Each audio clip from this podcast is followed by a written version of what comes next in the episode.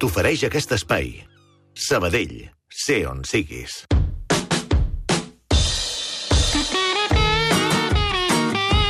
Ramon Solsona, bon dia. Bon dia a tothom. Quina paraula has triat avui? Que Mira. m'has dit que vas estar aquí seguint la TDP en directe, no? Sí, perquè em feia gràcia... Veure il·lusió. com funcionava la sala d'imatges. Vaig estar a la sala d'imatges tota l'estona. Amb en I- Carles i el Sergi. Sí, sí, i el Marc també, eh, Domènec. Que el Marc Domènec, sí, I sí. vaig pensar, això no és per mi. A veure, jo m'ho vaig passar molt bé. Què vol dir això, no és no, que per jo, mi? jo no serviria per això. Això és el que vull dir. Jo Ah. no serviria. Perquè a la primera, a la primera ja diuen ha sigut fora de joc, l'enganxat per darrere. En Però Carles a- Domènec i el Sergi Cotillas estan especialitzats en això. Però a la primera, La primera, jo sí. hauria de dir, escolta, un moment, que ho Bueno, repeteixo. fa 20 anys A que ho veure, fan, això, eh? Aquesta que- sala d'imatges funciona des de fa 20 Sí, anys. però has de tenir uns reflexos eh, i, i una vista A més, d'àliga. estan eh? coordinadíssims. És una Molt, cosa molt, molt, curiosa, molt, molt. sí, I vaig sí. pensar, jo no serviria, m'estaria repetint la jugada i al cap de 10 minuts encara no sabria si era fora de Sí, joc o sí. no. De, bueno, I aleshores, ara ho porto al meu terreny, des del punt de vista lingüístic vaig pensar, fixa't tu quina cosa més curiosa. Al camp parlen d'una manera i aquí parlen d'una altra. Sí. Perquè, eh, esclar, al camp tot és calent, és càlid, el llenguatge és, és calent, és I plàstic... la sala és- d'imatges és sentència. Eh, I la sala d'imatges és una cosa estadística, és una, eh, és una constatació, és notarial. I aleshores em va fer gràcia perquè vaig pensar, fa uns anys, cada vegada més, fa més anys, eh, però en termes de llenguatge, a vegades els anys eh, és, és fa quatre dies, Sí. eh, fa relativament poc, no es parlava de possessió de pilota, localització del Sí. joc, xuts a porta, jugades de perill, xuts ben dirigits o entre els tres pals, aturades del porter... Abans només es comptaven els córners i les faltes. Tants faltes tant, eh, i tants córners a favor d'aquest i l'altre i s'ha acabat. I ara no, això de entre els tres pals, la, la possessió, la localització... És que la gent ho pregunta. Com ha anat la possessió? Eh, Com tenim la possessió de pilota? Com dius? tenim? Sí, sí, sí. sí. Veure, Eh, i- és i- com la gent que ara parla de shares d'audiències. Molt, Sí, sí, molta gent no sí, sap de sí. què exactament Sí, què no, signifiquen. però, eh. però, com t'ha anat d'audiència? Sí, sí, Share, vaig quin pensar- share, quin rating has Quina, tingut? quina diferència de llenguatge. Sí. I es complementen, S'està naturalment. I aleshores sí. vaig pensar, eh, bueno, aquesta terminologia del futbol, Mm. que eh, bàsicament s'ha heretat és una continuació d'un esport tan americà com el bàsquet. Mm. El bàsquet fa dècades... Que fa la possessió Perquè als pilota. americans els encanta fer estadístiques de tot de tot. I els americans fan no només la, la possessió, ho fan tot. A aquest li ha A mi passat... m'agrada tantes- molt un- una, un concepte que ha incorporat el Carles Domènech des de fa molts anys a la, a la sala d'imatges, que és passades de mèrit. Passades de mèrit. Passades de mèrit a mi em sembla una aportació intel·lectualment molt positiva, perquè una cosa és que la passa, una passada i una altra és una passada de mèrit, que vol dir que, Sí, que et sí, porta directament a una jugada que pot ser determinant, no? I justament vaig en aquesta línia. Les passades de mèrit, n'hi ha unes de, de especials que en diem assistències. Mm. Això és nou.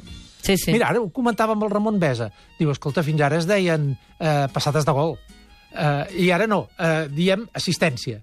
Assistència que està tret del bàsquet. És a dir, quan li passa la pilota a un jugador que té facilitat per encistellar, allò és una assistència. Però, en el cas del futbol, només ho diem quan realment es converteix en gol. Mentre que això que deies de la passada de mèrit eh, ho engloba tot.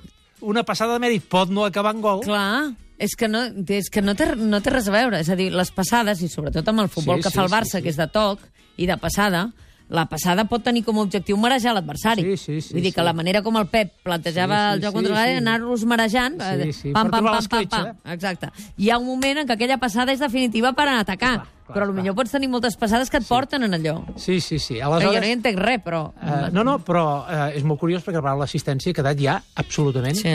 incorporada. I ahir, uh, jo ho he sentit avui la tertúlia, eh, venia escoltant, i s'ha dit diverses vegades les dues assistències de Sí, Messi. sí, dir, sí. Messi ara s'ha convertit en assistent. I això, en el llenguatge del futbol, és relativament nou. I uh, el llenguatge del futbol, com tot, es renova, hi ha expressions de moda, però n'hi ha una que vull comentar. Quina? I que la va dir el Ricard Torquemada, que diu allò de, que s'ha posat de moda en castellà, que és tanto nadar para morir en la orilla, i diu, ara seria una pena perdre aquest partit després de nedar tant per morir a la platja, va dir, que em va semblar una eh, adaptació brillant, perquè en català hauríem de dir la riba, Sí. i la riba és una cosa molt literària.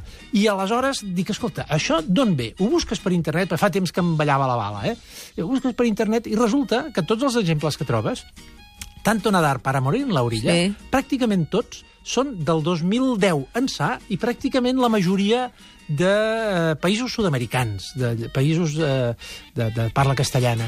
Eh, És una expressió bonica, mm, fantàstica, però intentant estirar el fil ja l'he trobada al Marquès de Santillana, segle XV, segle XV, nadar i nadar i a l'orilla afogar. Nadar i nadar i a l'orilla afogar. Al segle XVII, Sebastián de Covarrubias, nadar i nadar i ahogar-se en l'orilla. Fixa't que això, tal com ho estic dient, és nadar, nadar i en l'orilla ahogar, rima, és un refrany, però és molt més plàstic, molt més poètic, formulat d'aquesta manera, de dir, tanto nadar, més que un refrany, sembla tret d'un poema. Tanto Lamentablement, en aquests moments t'he de dir, Ramon Solsona, que aquesta expressió a mi em fa una mica d'angúnia, perquè cada dia, cada dia hem de parlar d'aquestes coses i no m'agrada gens ara.